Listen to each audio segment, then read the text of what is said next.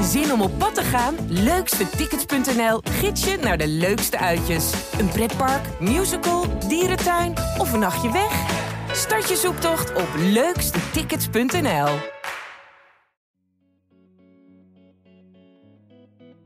Mijn verhaal.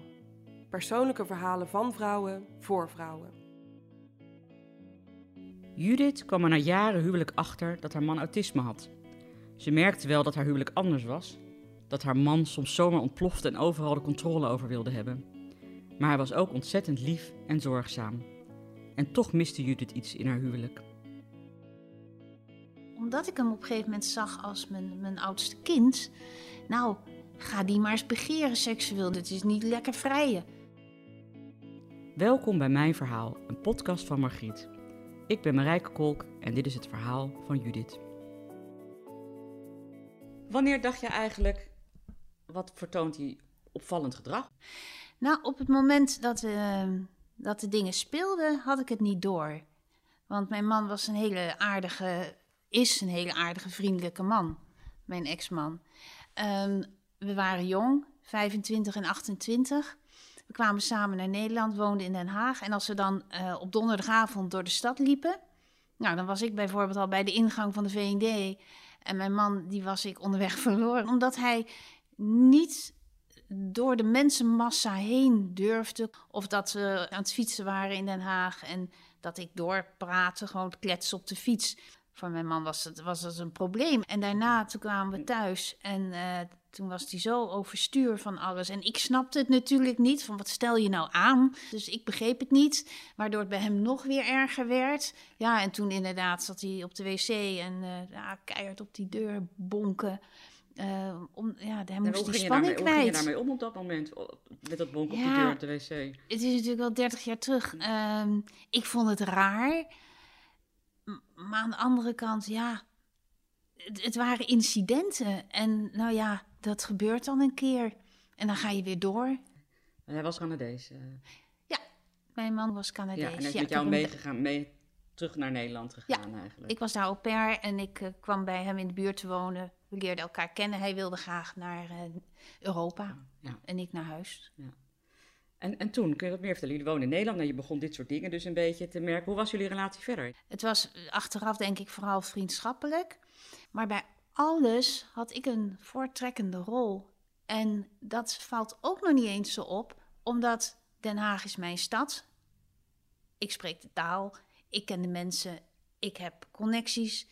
Dus ja, ik regelde de dingen. Ik ging overal achteraan.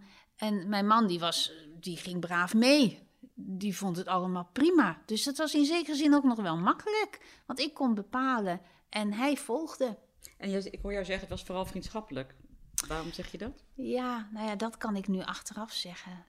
Um, ja, dat kan ik nu zeggen. Uh, nu ik liefde anders heb leren uh, kennen, weet ik van ja,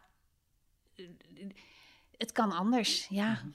En het, ik denk dat het te maken heeft dat heel snel uh, ik een, uh, een, een uh, leidende rol kreeg. Een organisatorische rol, een praktische moederachtige rol of zo. ja, Je waren daarin niet zo gelijkwaardig dan ook? Nou nee, achteraf niet, nee. Achteraf maar op dat moment vond jij het wel... Ja, en als het tijdelijk was geweest, gewoon praktisch... want we kwamen in Nederland en ik kende het systeem... dus ik zet even een stapje harder... dan is het tijdelijk. En als daarna het gelijk getrokken wordt en je gaat samen verder, is het prima. Maar dat is dus nooit gebeurd. Want op een gegeven moment wilde jij kinderen, ja. mij verteld. Ja. Hoe ging ja. dat? Nou ja, we werden ouder. uh, ik was denk ik dertig of zo. En uh, ja, mijn moeder was ziek geworden. Dat heeft voor mij heel erg meegespeeld. Mijn moeder uh, kreeg borstkanker. En toen, ja, op een of andere manier voelde ik... Ik heb behoefte aan meer vastigheid of zo, meer verankering van het leven. Nou ja, dat was voor mij de aanleiding om een kinderwens te ontwikkelen. En mijn man, die, ja, van hem hoeft het niet. Hij vond het allemaal prima hoe het was. Die had die wens ook niet. Maar ja, goed, we hebben ik weet nog één keer zijn we uit eten gegaan. Toen hebben we het daarover gehad, dat ik dat toch heel graag wilde. En ook hierin, ehm, ja, was mijn man heel meegaand. Nou ja, goed, dan, dan doen we dat. Ehm, en nou ja, ik ben ervan overtuigd dat hij van zijn kinderen houdt. Ik heb ook nooit het idee gehad dat niet, niet zo was. Maar ja, het was wel echt iets wat ik graag wilde en wat van hem niet zozeer hoefde. Maar waar hij wel mee instemde. En hoe was hij dan als vader? Ja, ehm, ja. eh, op zich ook heel erg leuk. Ehm, als, als je dit vraagt, dan zie ik nog hoe mijn man eh, uren zat te legoen met onze jongste zoon. Dat is geweldig. Wat die niet gebouwd hebben, echt prachtig. Allemaal heel erg leuk, heel erg mooi. Maar wel eigenlijk buitenproportioneel. Het was ehm, alsof het een derde kind was, zeg maar. Eh, mijn man was een soort van de kind, het, het kind onder de kinderen. Dus op een feestje ging hij met de kinderen spelen. Gingen we wandelen met vrienden, was wel heel erg fijn. Dan eh, ging hij met de jongens hutten bouwen. Hij was bezig met de kinderen. En ik liep dan met die vrienden te Kun kletsen. je dat nu verklaren? Is dat... Ja, nu wel, ja, ja. Ehm, hij, ehm, hij vond het moeilijk om gesprekken te voeren. En nou, bijvoorbeeld weet ik nog, toen mijn moeder overleden was, kwamen die vrienden langs. En mijn man ging, ging de keuken in, de koffie verzorgen en dingen. Die liep alsmaar weg. Maar goed, ik vond het op zich wel prima, wel fijn om een verhaal over de dood van mijn moeder aan die vrienden te vertellen. Ehm, maar later ben ik daarop teruggekomen van joh, waarom was je er niet bij? Eh, Ik, ik zat met hen eh, buiten en jij stond alsmaar in de keuken. En toen zeiden ja, maar ja, ik heb, eh, ik heb mijn ouders nog, ik, dus ik weet, ik weet daar niks van af. Nou, en dat, dat, dat, dat gebrek aan inlevingsvermogen, dus echt het, het kunnen bedenken, kunnen meepraten, kunnen aanvoelen wat de vrouw waar je van houdt nodig heeft, ja, dat was er niet. En daarin is dat alleen zijn is ontzettend eh, is gaan groeien. Mijn man, mijn ex-man, is opgevoed met netjes eten aan tafel. Dat is echt een issue. Eh, daar is heel veel tijd en aandacht aan naartoe gegaan.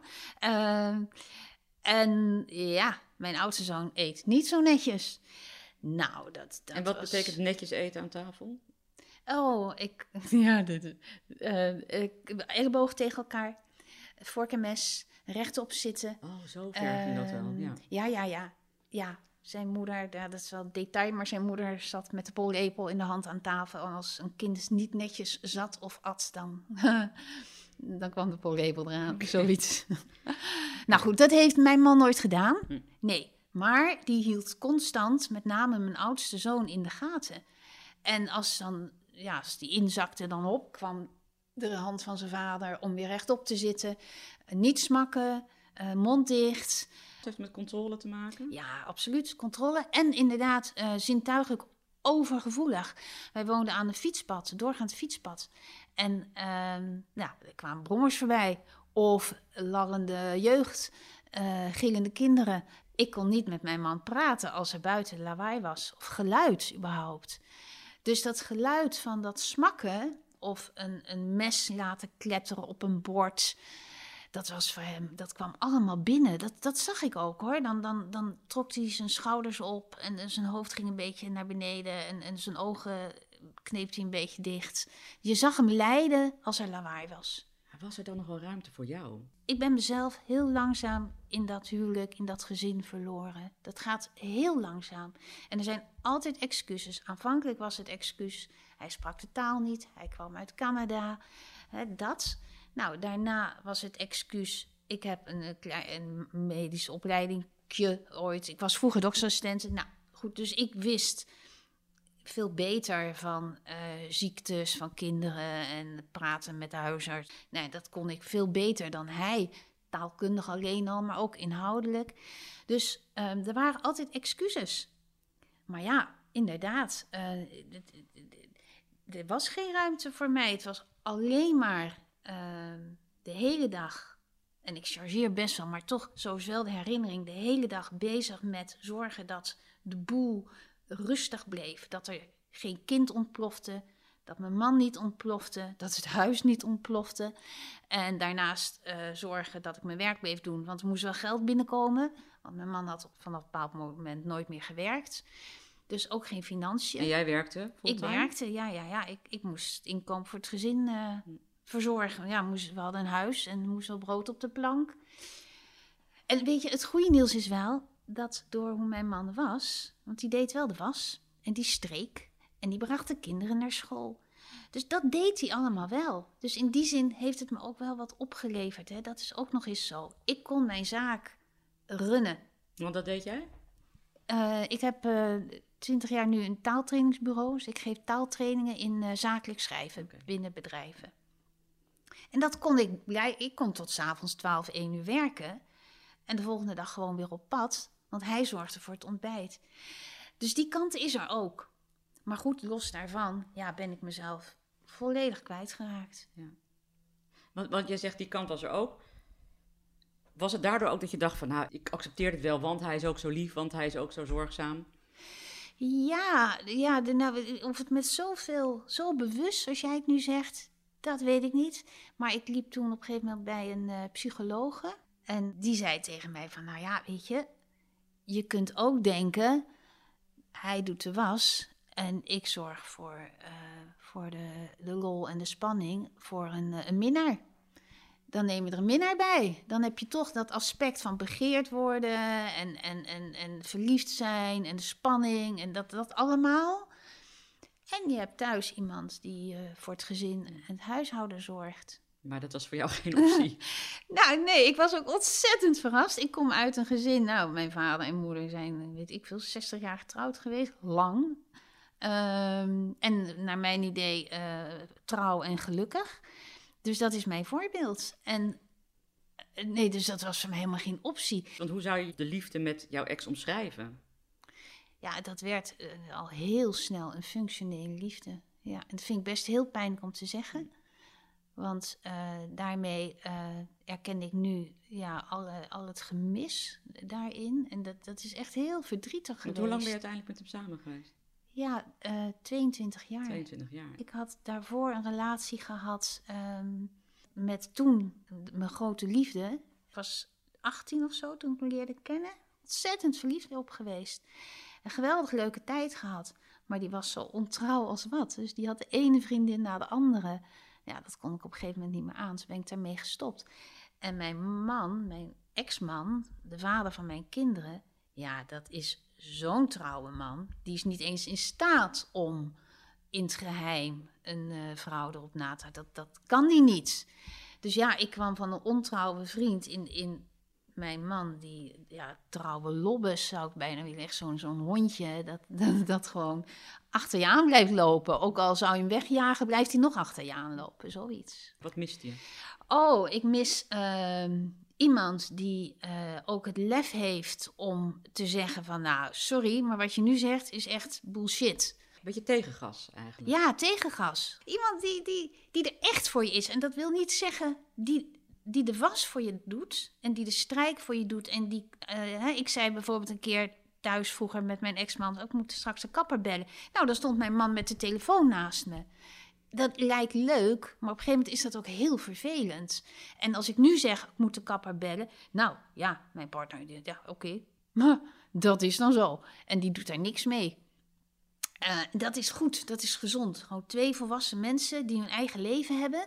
Uh, en die, die delen uh, ja, wat, wat aan goede dingen en aan slechte dingen hebben. En je kunt je nagels aan elkaar slijpen. Ehm, ja, en, en ook gewoon ontzettend verlangen. En, want dat speelt natuurlijk ook, hè, mijn ex-man, omdat ik hem op een gegeven moment zag als mijn, mijn oudste kind. Nou, ga die maar eens begeren seksueel. Nou, dat is niet lekker vrijen, toch? Dat kan ik me goed voorstellen, ja. Ja. ja.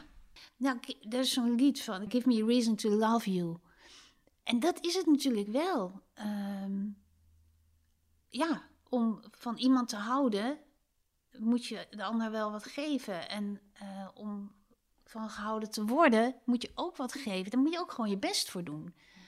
En je moet ook iemand aantrekkelijk vinden. Terwijl mijn ex-man zag er echt leuk uit. Leuk man om te zien, leuk werk.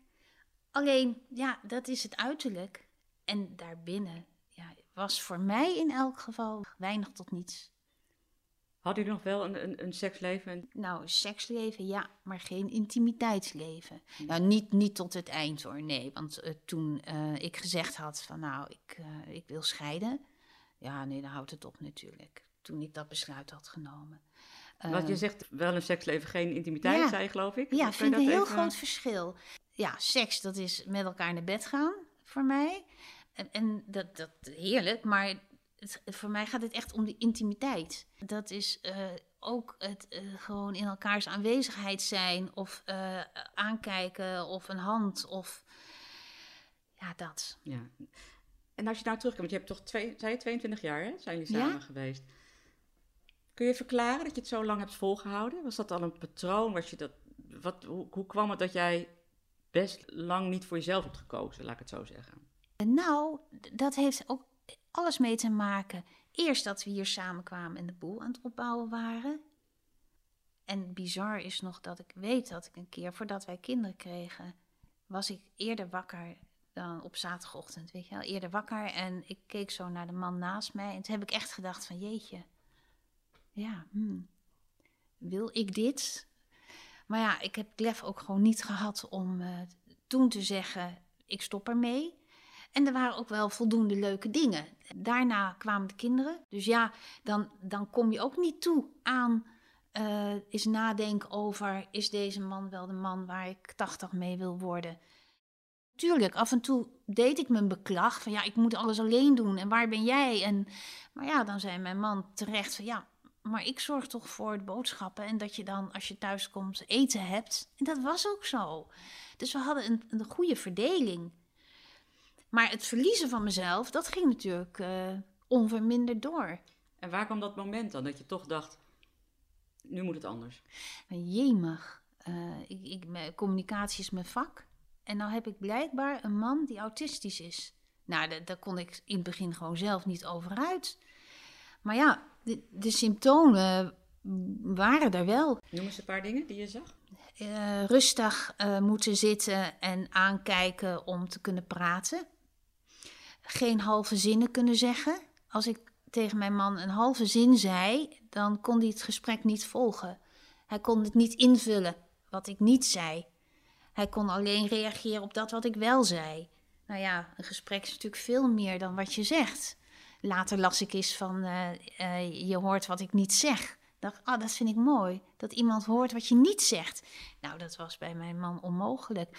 Eh, die brommers die voorbij reden, mijn man die daarvan in elkaar kroop. Toen ben je het gesprek aangegaan met hem, met je man? Ja, ik weet je dat ik het niet meer zo precies weet, maar ik, ik ben het wel gaan zeggen. Ik werd gek van mezelf steeds afvragen, ligt dit aan mij of heb ik gelijk? Daar word je zo moe van. Dus op een gegeven moment heb ik gezegd, nou, ik, ik wil je alsjeblieft je gaan laten testen. Nou, dat wilde hij niet. Waarom je dat niet wilde? Maar op een gegeven moment kreeg ik ook van hem terug van... jij bent zelf autistisch, Eh, met mij is niks mis, wat denk je wel? Eh, en ook, misschien speelt wel mee dat, dat dan het zou lijken... dat alles wat misging bij ons, dat dat zijn schuld was. En dat is natuurlijk echt absoluut flauwekul. Ik heb ook echt wel mijn dingen. En toen heb ik op een gegeven moment gezegd... nou, weet je, als je je niet laat eh, onderzoeken, dan is het voor mij klaar. Dan, dan stop ik ermee. Nou ja, en toen op een gegeven moment heeft hij gezegd... nou goed, voor jou doe ik dat dan. Hij heeft allerlei tests eh, moeten doen. Ik heb ook een gesprek met de psychiater gehad, waarin ik mijn dingen heb verteld die ik zag. Ehm, en nou ja, toen vrij snel kwam de diagnose en toen kreeg hij te horen syndroom van Asperger. Kan je het omschrijven wat het precies is? Nou, toen waren er volgens mij drie gradaties. Je had klassiek autisme, Asperger en PDD-NOS. En eh, ja, hij dus Asperger. Nou, de, de normale intelligentie, maar wel dat autisme. En dat zit in alles. En hoe ging hij ermee om met die diagnose? Nou, niet. Gewoon niet. Eh, voor mijn man was het heel duidelijk dat hij die diagnose had gekregen doordat ik allerlei dingen over hem had verteld. Waardoor de psychiater dacht, oké, autistisch. Ik zat daar heel erg mee. Ik heb me heel erg schuldig gevoeld. Toen ben ik nog een keer bij de psychiater geweest, heb ik dat gezegd. Ze zei, juist als er een eh, vrouw bij mij komt en die zegt, ik denk dat mijn man autistisch is, ze zegt, dan ben ik extra alert. Want dat, dat zijn de gevaren. Dus eh, nee, ze zegt, we hebben het met een heel team bekeken. En we hebben gezamenlijk de diagnose gesteld. Maar ja, het, het, het- dat is duidelijk. Dat is Syndroom Ja. van Asperger. En mijn man ontkende dat volledig. We hebben toen flink wat ruzies gehad. Als de kinderen op school waren. Ik weet nog één keer ehm, is hij overstuurd huis uitgegaan. Toen had hij op een aanzichtkaart geschreven: eh, Je hebt gelijk, ik zie het nu, ik heb autisme. Uh, en toen was hij weggegaan en had hij op die kaart ook geschreven: uh, ik, ik ben weg, ik kom later terug. En toen was ik heel blij. Nou, nu, nu gaan we aan de slag. Nu kunnen we kijken waar zitten onze knelpunten en wat kunnen we eraan doen. En we kunnen hulp krijgen. Dus ik dacht, nu komt het goed. Nou ja, en een dag later was het onzin. Was niet waar. En uh, het was flauwekul. Hij had geen autisme. En ik had het en hij absoluut niet. En toen heb ik gezegd, nou ja, dan, dan zijn wij klaar. Dan stop ik met dit huwelijk. En hoe reageerde hij daarop? Ja, afschuwelijk. Heel triest. En, en, nu nog vind ik het heel moeilijk om aan terug te denken. Eén keer vroeg hij aan mij uh, of ik alsjeblieft de scheiding niet wilde doorzetten. Ik, ik, was toen zo hard, en dat is bijzonder, want zo ben ik nooit naar hem geweest. Maar toen zei ik, ja, je, je hebt echt op mijn ziel getrapt. En dat was eigenlijk zo'n beetje het laatste echte gesprek dat we hebben gehad daarover. Jullie hadden nog wel contact. Ja, en dat is ook echt een pluim voor mijn man. Want um, weet je, als, elke week gaf ik hem mijn rooster, zeg maar. Van nou, maandag weer moet ik om zeven uur de deur uit. Nou, dan kwam hij om kwart voor zeven. En als de jongens naar school gingen, dan ruimde hij ook nog de keuken op. Uh, en hij was er tussen de middag. En om vier uur, soms kookte die. Heel soms aten we nog met elkaar. Ja, dat is natuurlijk geweldig goed. Heb je hem gemist toen hij weg was? Nee, ik, uh, het is... Wat was er opluchting? Ja, oh, ja. Opluchting. rust in huis. Uh, mijn man vroeg eigenlijk een soort van goedkeuring bij alles wat hij deed. Of waardering voor de dingen die hij deed. Er voer constant die behoefte van hem om gezien te worden. En, nou ja, Kan je daar een voorbeeld van geven? Nou, gewoon letterlijk. Uh, ik, ik heb de band van, uh, de fietsband van de jongste gerepareerd. En dan wilde hij dat jij zei, goed gedaan. Ja.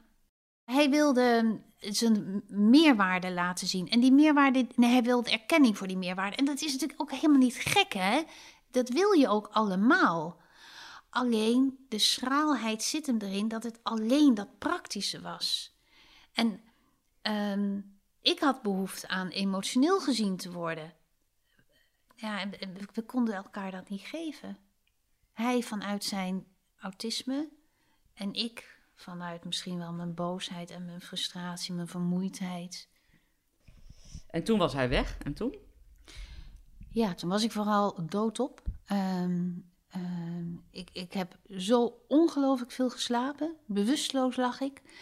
Uh, dus ik ben eerst gewoon heel erg bijgekomen.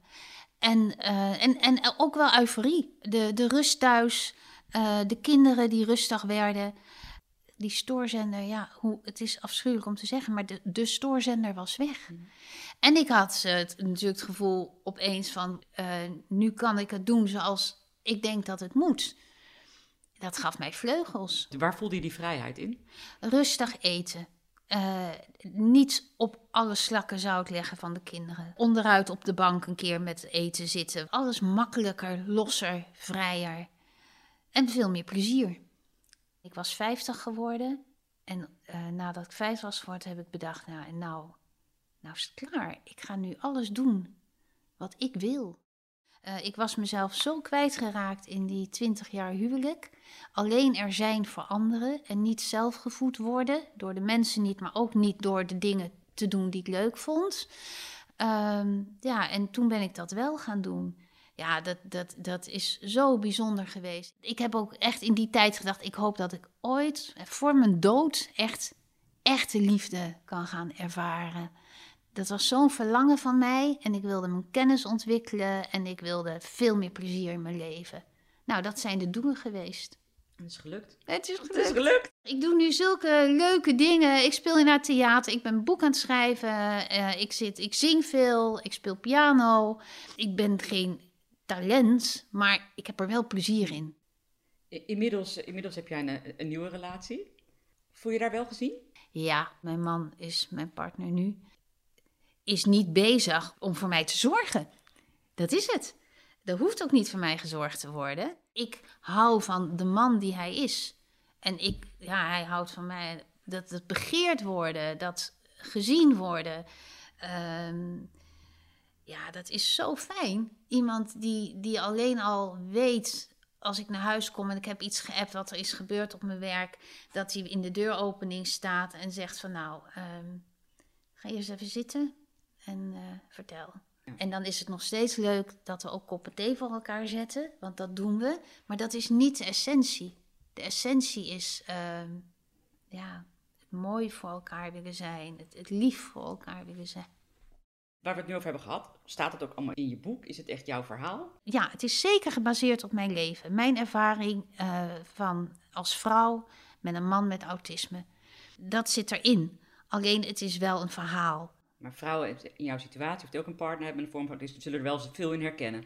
Jazeker. En uh, niet alleen autisme. Het gaat om, uh, je hebt de term onbereikbare liefde. En daar gaat het eigenlijk over. En dat vond ik, dat heeft me, die, die, die schrijf, dat leren schrijven en dat verhaal vormgeven, dat heeft mij heel veel gebracht. Want aanvankelijk ervoer ik mezelf als slachtoffer. Van, oh wat zielig, ik had een man met autisme en oh, oh, oh, wat erg. Maar gaande het proces kwam ik erachter, wacht ik ben geen slachtoffer. Ik heb die man zelf uitgekozen. Uh, het heeft me ook heel veel geleverd. Het is een goede man. Alleen, uh, ja, het heeft me ook heel veel gekost. En daar, daar kwam ik op een gegeven moment achter dat ik helemaal geen slachtoffer ben, maar dat ik uh, ja, bewust had gekozen, onbewust bewust, voor een man die er niet echt voor mij kon zijn maar dat iemand er niet echt voor je is. Dat, dat is killing. Dit was Mijn Verhaal, een podcast van Margriet. We vinden het leuk als je op onze podcast abonneert of een reactie achterlaat. Wil je meer inspirerende verhalen horen? Ga dan naar margriet.nl/podcast.